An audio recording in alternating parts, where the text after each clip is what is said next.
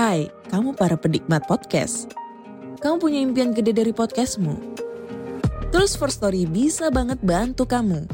Mulai dari F-Link, Dynamic Audio Insertion, sampai statistik yang komprehensif. Semua ada di First Story. Gak ketinggalan kamu bisa monetisasi podcastmu lewat iklan dari First Story Ads yang bisa kasih kamu penghasilan dari setiap place podcastmu. Yuk gabung sekarang dengan klik di firststory.me. Sekali lagi, klik di firststory.me. Mari kita bawa mimpi podcastingmu menjadi kenyataan. Assalamualaikum warahmatullahi wabarakatuh. Selamat malam sobat malam mencekam. Apa kabar Anda? Malam hari ini jangan buru-buru tidur ya sebelum mendengarkan kisah dari malam mencekam. Malam ini Mang Ei dan tim kembali menghadirkan narasumber yang tentunya sudah Anda kenal semua. Namanya Kang Idot. Kang Idot adalah seorang praktisi spiritual energi. Ya, Anda sudah tahu semua spiritual energi itu seperti apa. Nah, kita akan ngobrol-ngobrol sejenak dengan Kang Idot. Apa kabar Kang Idot? Baik-baik, alhamdulillah. Rutin ya, kita selalu ketemu di Malam Mencekam di podcast kita ini Ya. untuk ngobrol-ngobrol seputar spiritual. Sibuk apa Kang Idot? Masih biasalah ada kita juga eh, ada konten di mengulas malam. mengulas malam. Nah, sobat harus sudah berkunjung ke channelnya Kang Idot mengulas malam. Di sana ada Kibayan juga, ada Mas Ben ya. Jadi yang ingin mengetahui lebih jauh tentang sepak terjang mereka bertiga ini silakan kunjungi mengulas malam. Jangan lupa like, share dan komennya. Dan kritik saran Anda kami tunggu di channel mengulas malam. Sobat MM, mudah-mudahan Anda semua dalam keadaan sehat walafiat dan selalu dalam lindungan Allah Subhanahu wa taala ya. Kita akan mendengarkan kisah dari Kang Idot pada masa kecilnya yang mengusir kodam yang ada di dirinya itu sendirian sampai berjibaku seperti apa. Orang-orang biasanya mengusir kodam itu dengan bantuan orang lain, tapi Kang Idot ini sendiri dan usianya pun masih muda pada waktu itu ya. Baik, kita ke Kang Idot untuk mendengarkan kisahnya. Silakan Kang Idot.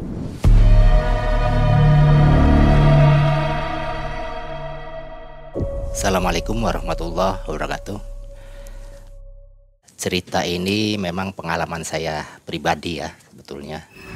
Sampai saat ini eh, saya bisa seperti ini tidak terlepas itu perjalanan saya di waktu kecil.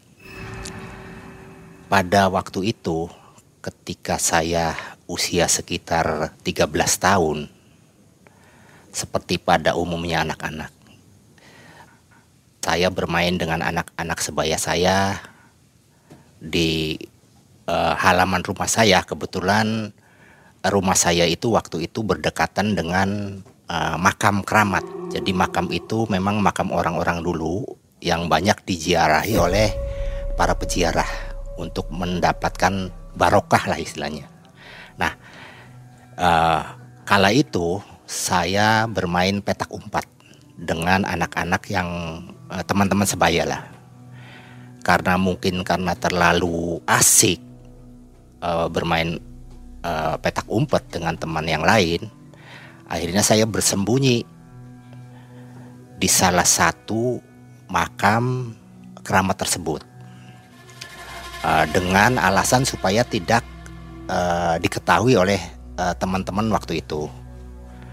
Nah, kala itu sekitar sore hari ya, sekitar pukul 4. Karena saya bersembunyi di makam sehingga teman-teman susah untuk mencari saya.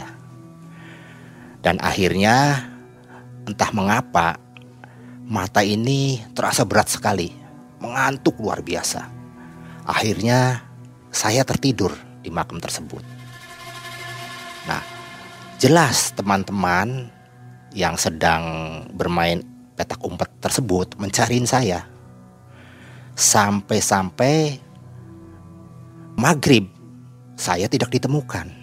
Akhirnya orang tua saya juga mencari. Berikut eh, saudara-saudara saya, dia mencari ke mana-mana. Sampai di makam yang memang ada di situ, makam keramat di situ juga dia mencari. Dan keberadaan saya kata orang tua saya dan keluarga yang lain dan tetangga-tangga sekitarnya tidak ada. Padahal saya tertidur di samping kuburan. Nah, pada saat saya tertidur karena ngantuk luar biasa, tiba-tiba pikiran dan pandangan saya itu uh, beralih ke kedatangan sosok uh, seorang perempuan yang seperti sebaya dengan saya lah. Dia mengajak saya waktu itu. Saya sempat ragu karena pikiran saya waktu itu masih jernih. Saya ini sebetulnya sedang bermain dengan teman-teman saya.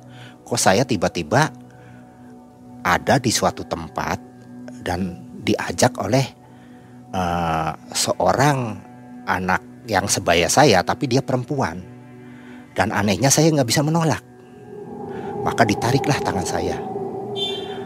Menurut dia, saya akan dibawa ke rumahnya dan ditemukan oleh bapak dan ibunya. Nah, seperti sudah tidak ada perlawanan lagi, entah mengapa itu seperti terhipnotis ya waktu itu. Saya mengikuti.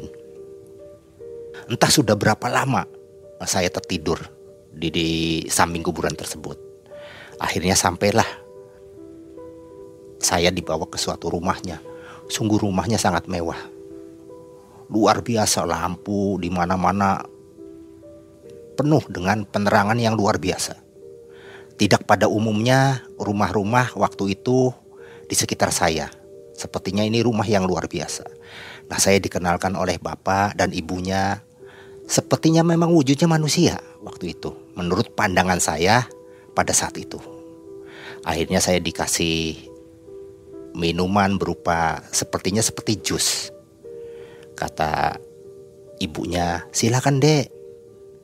Minum dulu kan haus." Habis eh, bermain dengan teman-temannya. Bener juga setelah ibunya si anak perempuan itu berkata haus, ternyata tenggorokan saya kering. Maka dengan tersenyum saya juga berterima kasih saya minum. Ternyata rasanya seperti ada bau-bau bunga Kamboja karena saya apal. Karena di daerah pemakaman tersebut ada suatu pohon yang besar yaitu pohon Kamboja yang sudah tua. Apal sekali. Cuma karena haus yang luar biasa, udah saya nggak pikir lagi, saya minum. Setelah minum, saya disajikan beberapa makanan dan akhirnya si uh, anak kecil yang sebaya saya itu mengajak saya bermain di luar halaman. Ternyata indah sekali halaman yang dia punya, luar biasa. Saya asik di situ sampai lupa bahwa saya ini uh, sedang berada di mana. Lupa karena asiknya. Maklumlah waktu itu di usia masih kanak-kanak ya, seneng istilahnya dengan sesuatu yang baru dan sesuatu yang indah. Nah, singkat cerita, waktu berjalan sudah jam 12 malam. Nah, orang tua saya masih mencari-cari, tidak ada ditemukan di mana pun. Sampai dia menghubungin di kampung sebelah, barangkali eh, main di temannya, juga tidak ada. Sampai-sampai waktu saya bermain dengan perempuan yang saya juga baru kenal waktu itu, itu saya naik-naik ke suatu taman. Di sana juga ada semacam tebing-tebing yang terbuat dari batu. Saya naik ke sana ke atas, ngikutin dia. Saya aneh melihat sosok perempuan yang masih sebaya saya begitu lincah. Dia naik begitu dengan loncat ke atas dan saya laki-laki tidak bisa menandingi kelincahan dia. Cuma karena saya ini merasa bahwa tidak mau kalah waktu itu, saya ikut loncat dan saya terjatuh waktu itu. Terbentur oleh batu yang ada di situ. Seketika itu saya bangun. Bangun ternyata setelah bangun situasi berubah sama sekali. Ternyata ada di pemakaman dan saya terbentur oleh mesan. Mesan tuh istilahnya si nisan, nisan pemakaman yang tua situ agak berdarah. saya kaget, ternyata tubuh saya sudah bentol-bentol, digigitin banyak nyamuk-nyamuk. Baru terasa gatal saya. Saya akhirnya bangun, kemudian saya mau keluar dari pemakaman tersebut, ternyata pintu pemakaman sudah dikunci. Akhirnya saya naik karena waktu itu pemakaman hanya dibatasin oleh tembok yang tingginya kurang lebih 2 meter. Saya naik lewat tempat ini. Dan setelah saya naik keluar dari situ, kaget saya. Ternyata di luar sudah banyak orang. Ada orang kedua orang tua saya, ada teman-teman, ada juga tetangga, saudara. Kaget saya, banyak orang yang membawa lampu senter setelah dia mengetahui posisi saya waktu itu, dia kaget. Ternyata saya sebetulnya tidak jauh ada di pekuburan karena tertidur. Tapi anehnya semua orang tidak melihat. Nah barulah saya dimarahin. Kata orang tua saya bahwa saya itu sudah menyusahkan semua orang-orang yang ada di situ. Cuma ya apa mau dikata saya memang tidak bermaksud seperti itu. Nah, di situlah saya mulai merasakan hari-hari seterusnya kehadiran anak kecil itu selalu hadir dalam pandangan mata saya. Waktu itu memang saya tidak terbesit bahwa sesuatu hal yang seperti itu mempunyai dampak yang luar biasa di kemudian hari. Dari situlah saya mulai melihat fenomena-fenomena yang tidak semua orang itu memiliki hal seperti itu. Bahkan bukan hanya melihat sosok perempuan yang sebaya saya, bahkan suatu waktu saya melihat sosok-sosok yang bentuknya hancur gitu. Sosok manusia yang bentuknya mukanya hancur. Nah, itulah yang bikin saya waktu itu ketakutan luar biasa. Karena seringnya bertemu dengan hal-hal seperti itu, hingga waktu itu saya menjadi orang yang penakut sebetulnya. Bahkan sampai-sampai kalau saya malam hari untuk ke WC aja saya nggak berani. Sampai saya membangunkan ibu saya. Saya pernah mengutarakan hal-hal seperti itu pada orang tua saya. Tapi sepertinya orang tua itu memandang bahwa saya itu berhalusinasi, berangan-angan. Jadi itu cuma saya pendam. Nah, di situlah akhirnya perjalanan saya bertahun-tahun selalu diikutin oleh sosok perempuan yang pernah dijumpain di pada awal saya tidur di kuburan tersebut. Dia selalu mengikuti. Ada sisi positifnya, ada juga sisi negatifnya di mana waktu itu usia saya sekitar 17 tahun, sekitar waktu itu SMA, hal tersebut semakin menjadi-jadi. Saya waktu itu uh, merasa risih gitu. Saya harus bertindak bagaimana? Karena semua orang yang di dekat saya itu dianggapnya saya berhalusinasi. Ya sudah saya jalanin apa adanya. Walaupun hati ini sebetulnya sangat berat untuk menerima beban hal-hal yang memang membuat dampak psikologi yang sangat menakutkan gitu. Jadi bukan hal yang indah-indah saja gitu. Nah, pada suatu waktu ayah saya, kedua orang saya itu pindah rumah. Memang pindah itu tidak jauh dari rumah saya yang lama. Sekitar kurang lebih ya 200 meteran lah ketika saya pindah di rumah di tersebut, nah di situlah mulai banyak hal-hal yang memang membuat pikiran saya itu oh, kacau balau. Pada saat saya sudah menempatin rumah yang baru itu kurang lebih satu bulan, hal-hal yang memang mengganggu diri saya itu luar biasa. Pernah Suatu kali saya tidur. Sepertinya kaki itu ditarik-tarik. Saya terbangun. Ternyata tidak ada. Pikir saya mungkin itu mimpi lah. apa mimpi yang terbawa-bawa. Kemudian diulangi lagi satu minggu, kemudian hal-hal yang lain muncul. Ada sosok di jendela itu berupa kepala tanpa badan. Sampai saya begitu ketakutan waktu itu. Namun ya bagaimana lagi? Semakin jauh, semakin luar biasa.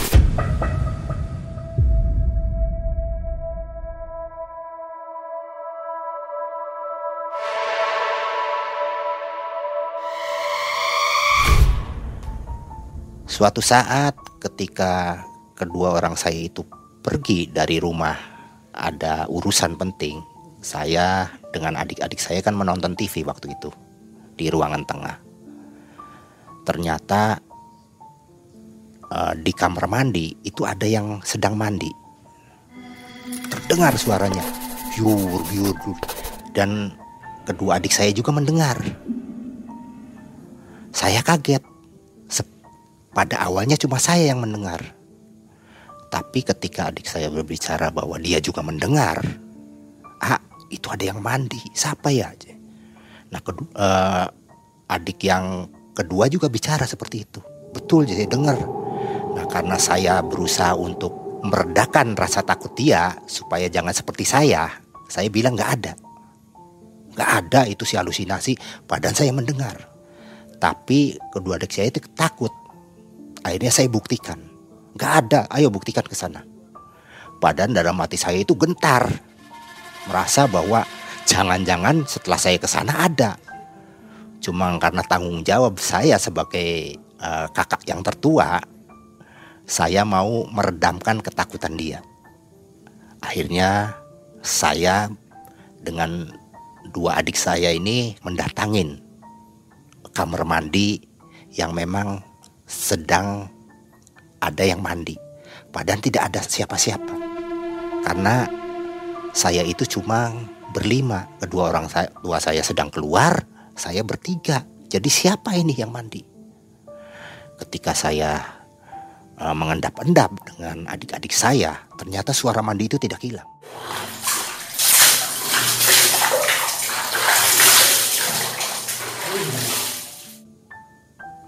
Sampailah kepada posisi di depan pintu kamar mandi.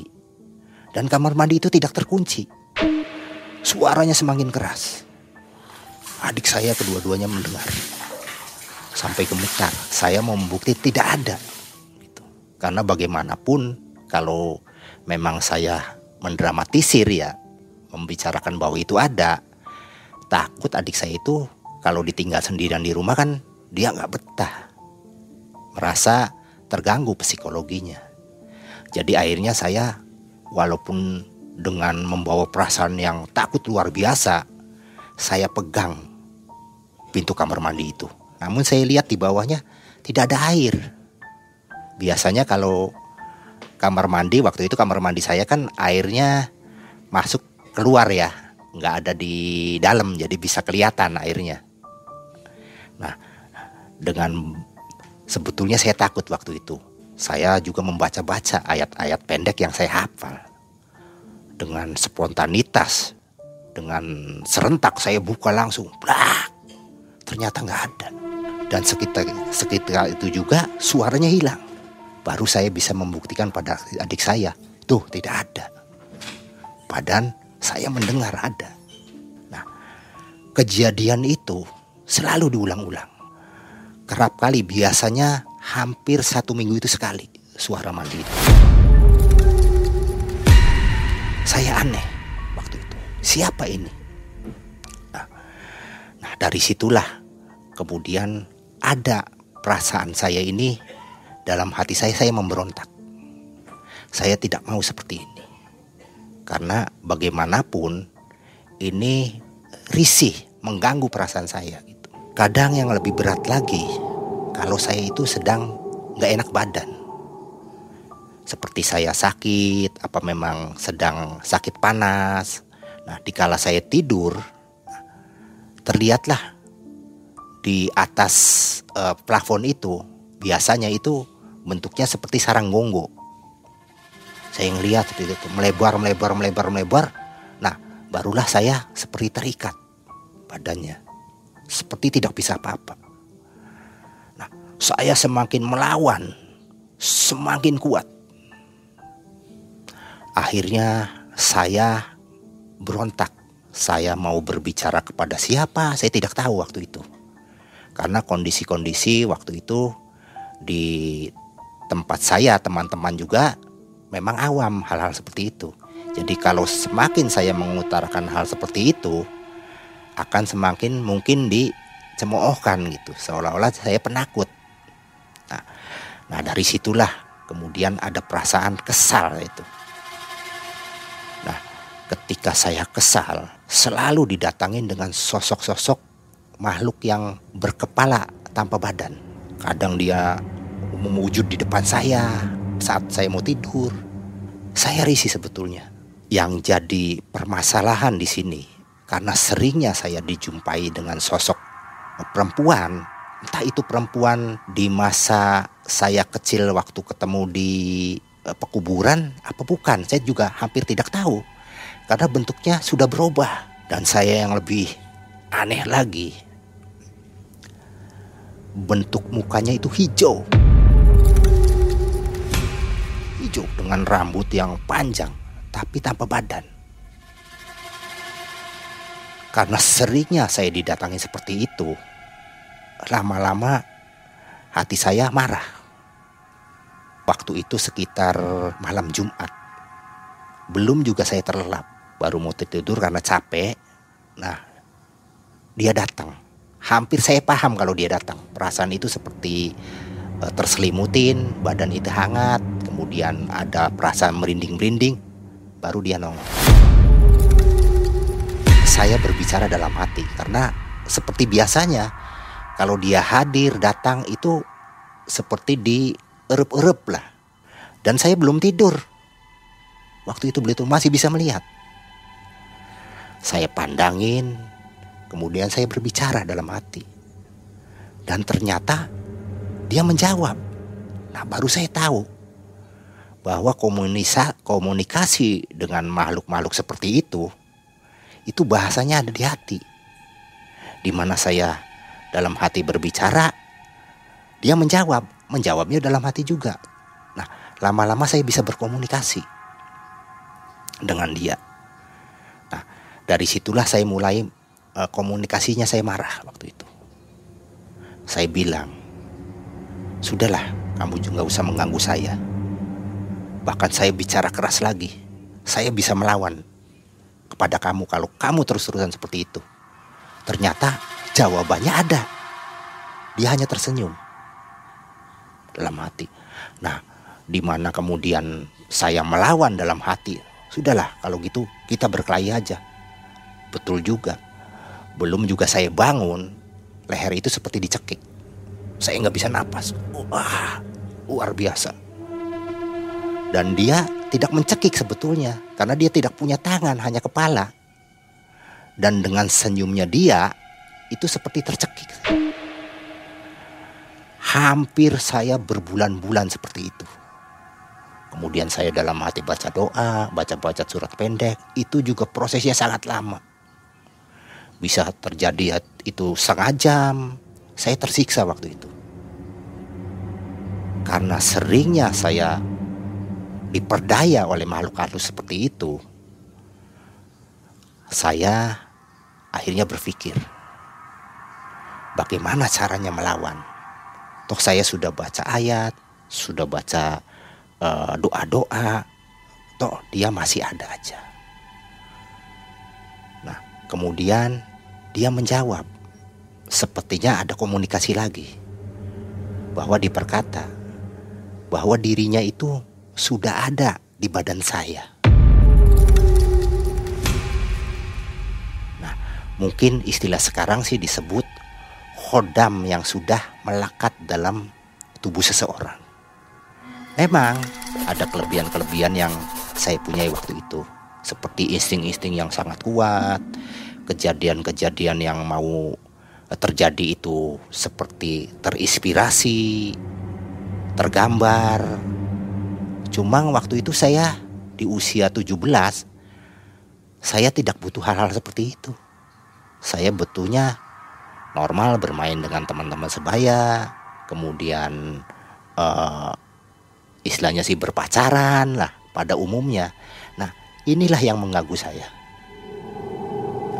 Di mana dalam kehidupan sehari-hari sangat sekali istilahnya sih membatasin gerak saya. Seperti misalkan ya, saya berpacaran sama orang, dilalanya seseorang itu tidak suka.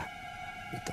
Di mana dia suka, sayanya awalnya suka, lama-lama tidak suka. Nah itu pengaruhnya luar biasa.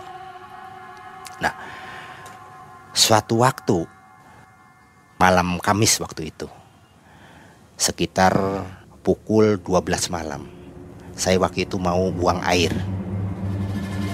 Setelah saya buang air, pulangnya saya melihat sosok perempuan. Namun seperti biasa saya abaikan karena saya sudah terbiasa melihat itu.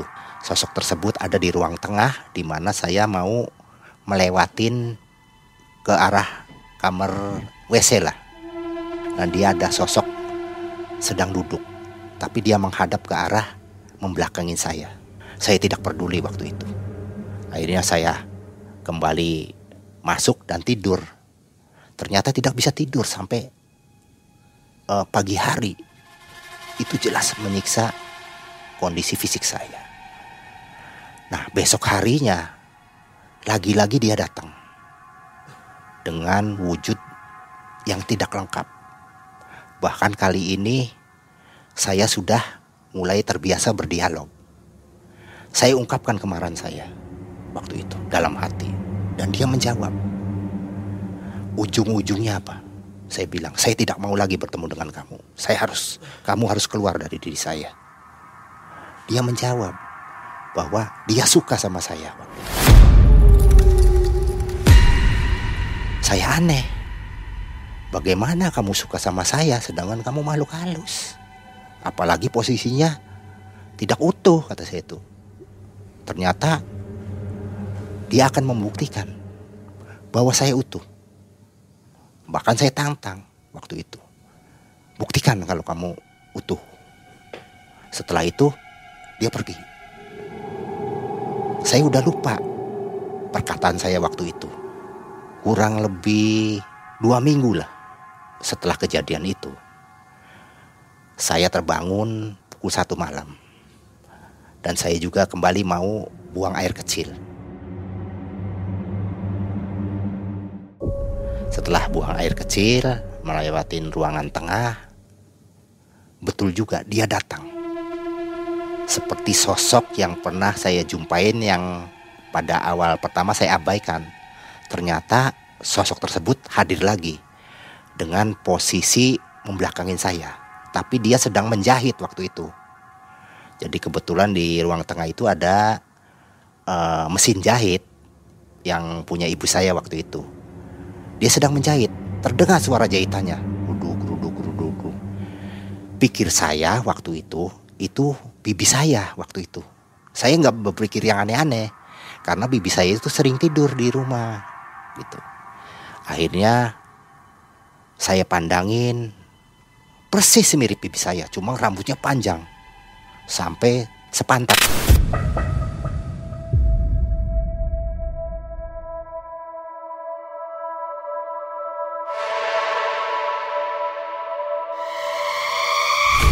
Saya mendekatin waktu itu. Maksudnya saya berkata, Bi, ini sudah malam, besok lagi aja menjahitnya. Kan perlu istirahat, lagian mengganggu orang tidur, gitu gitu. Jarak saya dengan sosok perempuan itu yang saya pikir itu bibi saya kurang lebih 3 meter. Nah setelah saya kasih tahu bahwa Bibi itu sudahlah jangan malam-malam supaya istirahat. Dia juga ternyata diam saja. Akhirnya setelah saya dua kali berkata seperti itu dan diam, akhirnya saya mendekatin dia. Maksud saya mau saya tepuk Barangkali dia sedang konsentrasi menjahit, tidak mendengar. Selangkah demi selangkah, tidak ada perasaan apa-apa dalam diri saya. Dan perasaan bentuk-bentuk bahwa itu mempunyai kekuatan yang bikin saya bulu kuduk merinding juga tidak ada waktu itu. Akhirnya sampailah kurang lebih satu meter lah. Baru saya mau nepuk, baru saya menepuk, ternyata bulu kuduk saya itu berdiri, semua berdiri. Kaget saya tuh. Ini ada apa? Tadi kok enggak? Luar biasa. Bahkan semakin saya melawan, semakin kuat badan itu bergetar. Dan tiba-tiba keluar seperti angin yang menempa dada saya. Dar, dar, dar. Saya kaget waktu itu.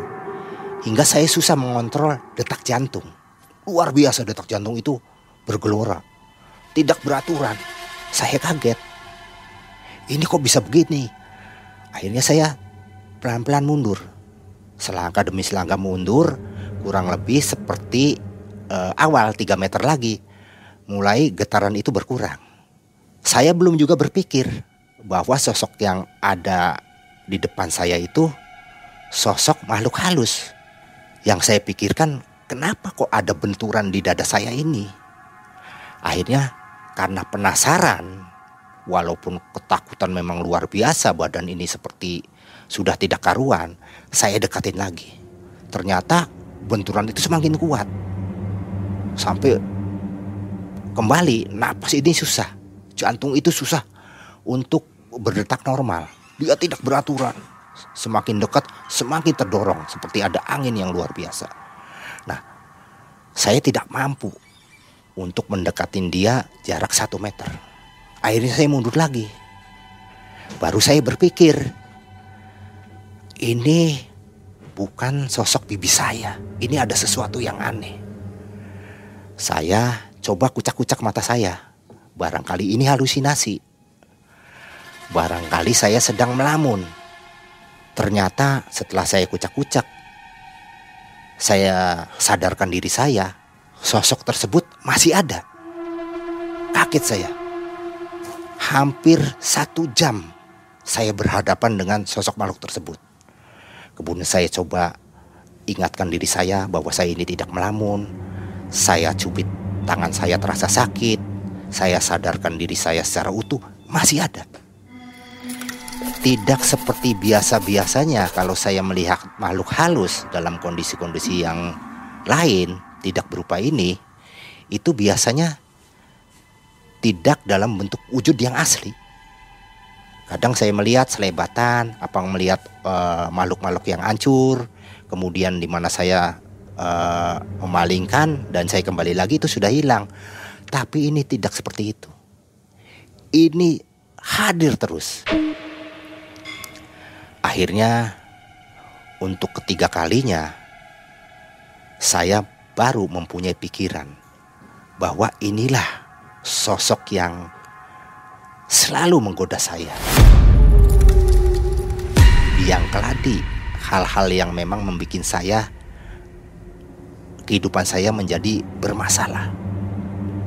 Nah, dari situlah mulai muncul dalam hati saya ini, ini kesempatan saya untuk membuktikan bahwa saya tidak takut. Baru saya terbersit pikiran seperti itu, dia seperti menjawab melalui hati saya. Dia berkata, "Inilah sosok saya." yang katanya kamu pengen tahu kalau saya menghadapi kamu membuka wajah saya kamu tidak akan kuat dalam hati saya sempat takut dengan ancaman seperti itu pantesan dia hanya memaling ke arah sana tapi saya coba meyakinkan diri bahwa saya ini manusia dan saya lebih sempurna dari dia dan saya juga nguatin diri bahwa tidak ada sosok manusia yang mati karena melawan makhluk-makhluk seperti itu. Semakin kuatlah semangat saya untuk menjamah dia. Saya pikir sudahlah, saya akan istilahnya si jambak rambutnya apa gimana lah. Yang penting dia sudah tidak mengganggu lagi. Coba saya baca-baca waktu itu sebagai benteng ya untuk saya mendekatin lagi untuk ketiga kalinya saya baca-baca surat. Ternyata tidak hilang. Saya baca eh, baca surat Al-Fatihah, surat Anas, saya berulang-ulang. Tidak hilang. Akhirnya selangkah demi selangkah saya deketin lagi untuk ketiga kalinya. Itu setiap langkah saya itu sepertinya terbendung oleh hawa-hawa yang berat. Bahkan desiran angin itu menimpa dada secara langsung. Hingga napas itu berat. Detak jantung kembali bergejolak. Tidak beraturan. Hampir saya susah untuk mengontrol napas. Cuma saya paksain. Terus semakin dekat, semakin dekat, semakin dekat setelah dekat kurang lebih satu meter, saya terempas. Dan saya jatuh ke belakang. Kepalanya terbentur. Nah di situlah mulai saya takut luar biasa. Langsung saya masuk ke kamar. Ya udah saya tinggalin. Coba saya tidur. Namun sampai pagi hari saya tidak bisa tidur. Itu pengalaman yang luar biasa bagi saya di saat usia 17 tahun. Dan itu tidak selesai ternyata. Ternyata betul makhluk yang saya jumpain itu sosoknya berwarna hijau semua. Berikut rambut-rambutnya juga hijau. Ini sosok-sosok yang saya tidak paham waktu itu.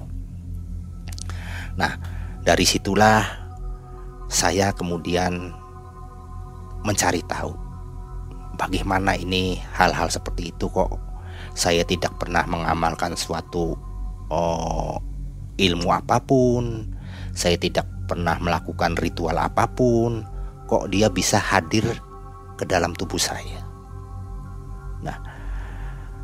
Singkat cerita, waktu itu ada 100 hari saudara saya meninggal. Nah, kebetulan rumahnya tidak jauh dari rumah saya. Akhirnya saya datang 100 hari itu nah hadirlah saudara saya itu kumpul semua termasuk paman-paman saya kemudian di situ berbincang-bincang akhirnya ada satu paman saya yang memang uh, rumahnya berdekatan. Karena saya itu selalu berbicara hal-hal seperti itu dan dia juga tidak percaya. Akhirnya dia nyeloteh. Nah ini nih Kang Idot nih yang biasanya bikin sensasi aja cerita-cerita yang aneh katanya. Akhirnya semua saudara-saudara dan teman uh, paman-paman saya itu ketawa. Nah di situlah mulai paman-paman saya itu meledek dianggap saya penakut ke dianggap saya ini tidak umum istilahnya sih diledekin lah sama saudara-saudara gimana Don masih penakut dah. Kalau paman di sini kan sebutnya mamang ya. Ya mamang sih nggak ngelihat langsung jadi nggak takut katanya. Udah gini aja. Kalau kamu penakut berarti sudahlah nggak usah jadi saudara katanya sih. Di sini orang-orang berani semua. Maksudnya gimana, Mang? Nah, ini kan 100 harinya paman kamu meninggal dan rumah yang ditempatin kan kosong. Berani nggak kamu tidur di situ? Kata saya, kenapa saya harus tidur di situ? Maksudnya apa kata itu? Toh saya bisa nyaman tidur di rumah. Nah ini kan untuk uji kamu. Kamu kan penakut. Ya kalau untuk uji aja sih buat apa kata itu. Saya tiap hari juga diuji kata. Akhirnya udah gini aja. Mau nggak kamu tidur di situ sampai subuh aja. Saya kasih nih uang. Akhirnya saudara-saudara saya yang lainnya ikut mendukung. Ya udah, ikut aja. Berani nggak nih? Ada yang mengasih embel-embel 50 ribu, ada yang 20 ribu, ada yang 100 ribu. Nah, saya lihat terkumpul lumayan waktu itu di usia saya 17 tahun kan uang 300 ribu kan tidak sedikit maka terkumpullah uang sebanyak itu. Itu urunan dari saudara-saudara saya. Terus terang, ada perasaan takut. Cuma waktu itu saya tergiur oleh uang 300 ribu tersebut. Akhirnya udahlah, saya juga udah terbiasa seperti itu pikir saya dalam hati. Udah, saya ambil semua uangnya. Udah saya tidur di situ. Yang benar, jangan nanti pas nggak ada orang, kamu nanti pulang. Ya coba aja kata situ. Dijagain di sini semua. Kan sambil melekan kata situ.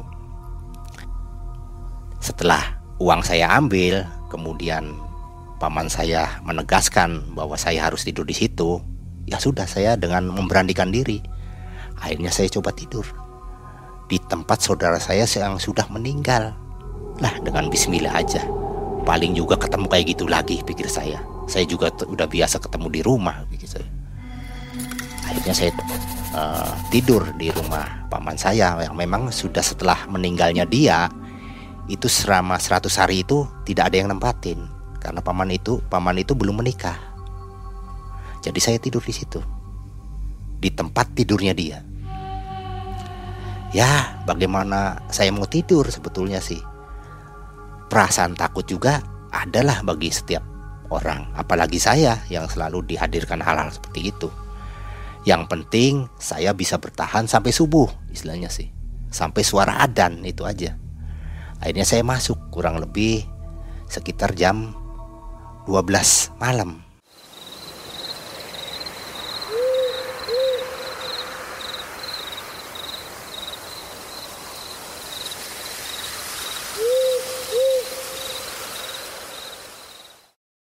Kalau sekarang sih di e, bentuknya uka-uka lah. Waktu itu kan belum ada uji nyali. Ah, saya masuk itu tidur. Udah saya tidur. Saya coba meremin mata, coba nggak bisa tidur. Bagaimanapun rasa takut itu muncul. Betul juga. Ada kaki ini ditarik-tarik. Ada sih yang seperti Noel-Noel di belakang. Nah, itu klimaknya kurang lebih pukul setengah tiga. Itu hadir, tapi bukan perempuan yang sering saya jumpain, bukan. Ini bentuknya sosok seperti paman saya yang sudah meninggal. Saya kaget, takut luar biasa. Saya bertemu dengan makhluk-makhluk lain astral, tidak takut seperti itu. Tapi kalau yang munculnya sosok yang sudah meninggal, itu takutnya luar biasa.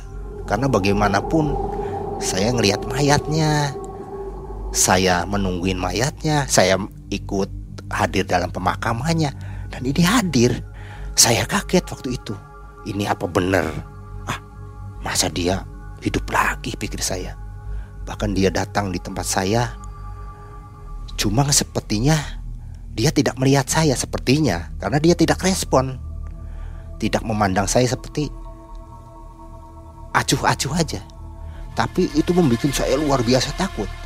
Hampir-hampir saya mau keluar dari rumah itu. Cuma saya malu waktu itu. Ternyata lama-lama muka paman saya itu berubah.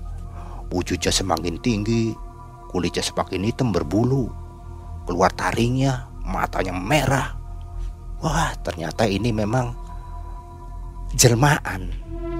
Baru saya tahu bahwa jenis makhluk itu bisa menyerupai orang-orang yang sudah meninggal. Akhirnya apa?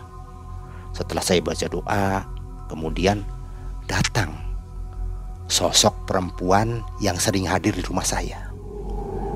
Dia seperti begini kepada sosok yang hitam tinggi besar itu seperti mengasih kode supaya dia keluar. Dan ternyata nurut. Saya kaget. Suruh gitu, seolah-olah dia membela saya. Jangan ganggu, jangan ganggu. Dia tuh, akhirnya dia keluar. Nah, setelah dia keluar, sosok perempuan itu kemudian juga pergi. Ada keuntungan bagi saya. Ternyata sosok perempuan yang mengganggu saya juga secara tidak langsung dia membela saya. Tapi sisi lain dia selalu menggoda saya. Hal-hal itu. Nah, sampailah kemudian azan subuh. Lega hati ini seperti orang yang haus sekali kemudian mendapatkan minum. Wah, bunga sekali. Saya keluar, ternyata saudara-saudara dan umum saya sedang pada tidur. Memang ada beberapa orang yang bangun. Waduh, hebat dia, kamu sudah ini sudah lulus gini-gini. Iya, kata saya tuh. Siapa bilang saya penakut? Sambil memperlihatkan uang yang banyak gitu tuh. Di situlah mulai saya ada keberanian. Hari-hari berikutnya saya coba mencari tahu kepada saudara-saudara saya yang sudah sepuh. Saya ceritakan untuk hal-hal seperti itu. Ada satu mbah saya yang memang dianggap dia sepuh dan mempunyai sisi-sisi spiritual yang uh, lumayan karena banyak murid-muridnya. Saya datang kepada beliau, kemudian saya utarakan, dia bilang waktu itu. Waktu itu saya tidak paham hal seperti itu bahwa itu hodam yang mengikuti kamu. Sudah, kamu kan ada yang menjaga.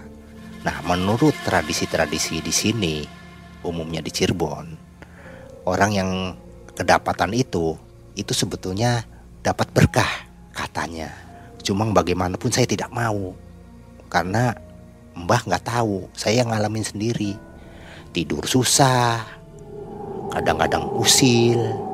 Ya mungkin kamunya aja belum bisa mengendalikan. Tapi saya kekeh. Kemudian setelah waktu itu sekitar usia 19 tahun ya menjelang saya SMA kelas 3 Alhamdulillah saya sudah mengenal pernapasan. Saya ikut perguruan pernapasan ya yang ada di kota saya dan mulai berangsur-angsur dia uh, mulai berkurang kehadirannya. Saya waktu itu berpikir, apakah hanya dengan olahraga, olah napas itu bisa mengantisipasi hal-hal seperti itu? Saya berpikir, ternyata memang berkurang. Cuma bukan berarti dia hilang. Setelah saya konsultasi dengan orang tua saya juga, mbah saya juga. Ya sudah, kalau kamu bertekad tidak mau ada hal-hal seperti itu, cobalah uh, kamu lakukan suatu ritual, zikir-zikir tertentu. Nah, tekad saya bulat. Memang saya tidak mau. Saya pengen bersih dari hal seperti itu. Di samping saya mengolah pernapasan secara intens, kemudian saya melakukan zikir. Nah, di mana kemudian saya berdoa kepada Tuhan, kepada Allah Subhanahu wa taala agar supaya dibeli eh, kekuatan, pertolongan untuk menghilangkan hal-hal yang dampaknya seperti itu. Di situlah baru saya mendapatkan mimpi. Waktu itu mimpinya saya sedang apa sih membersihkan dada saya dengan tangan saya dengan dibarengi doa-doa yang diajarkan oleh mbah saya. Hampir di mimpi itu dari mulai awal sampai akhir itu mimpinya seperti itu. Nah, kemudian saya berpikir, mungkinkah ini suatu pertanda bahwa saya sudah dikobul doanya oleh Allah Subhanahu wa taala untuk menyelesaikan permasalahan-permasalahan yang sudah hampir uh, kurang lebihnya 10 tahun yang bikin masalah di tubuh saya. Setelah itu kemudian saya coba praktekkan apa-apa yang ada di dalam mimpi saya itu. Saya kemudian berdoa, coba saya tarik tangan pelan-pelan ke dada, rasanya sakit sekali. Sakit luar biasa. Tarik saya paksa semua. Sampai keluarin ke mulut. Saya muntah waktu itu. Muntah banyak sekali. Sakit sekali. Seperti dada ini teriris saya tarik lagi terus. Sambil berdoa terus. Entah itu udah berapa waktu saya udah. Pokoknya saya harus keluar. Setelah terasa oleh saya genggamannya seperti menggenggam sesuatu nih yang berat sekali. Baru terdengar jeritan seperti jeritan perempuan luar biasa keras ah, barulah keluar Wah, saya lemas waktu itu lemas luar biasa dan terasa enteng. Alhamdulillah saat itu juga sudah tidak ada hal-hal yang konteks secara langsung. Satu minggu, dua minggu, kadang dia hadir, cuma dia menjauh. Seperti ada kebencian terhadap diri saya, namun dia tidak bisa mendekat. Nah, di saat itulah setelah dia tidak lagi bersemayam di tubuh, alhamdulillah ternyata kepekaan saya tidak hilang. Mungkin kepekaan itu terpancing oleh dia hingga tumbuh. Ternyata sampai sekarang walaupun saya sering kontak, dia sudah takut, dia sudah menghindar. Dan ini juga banyak hal-hal yang ditimpa oleh uh, para praktisi pada waktu ini mungkin kasus-kasus seperti saya ini.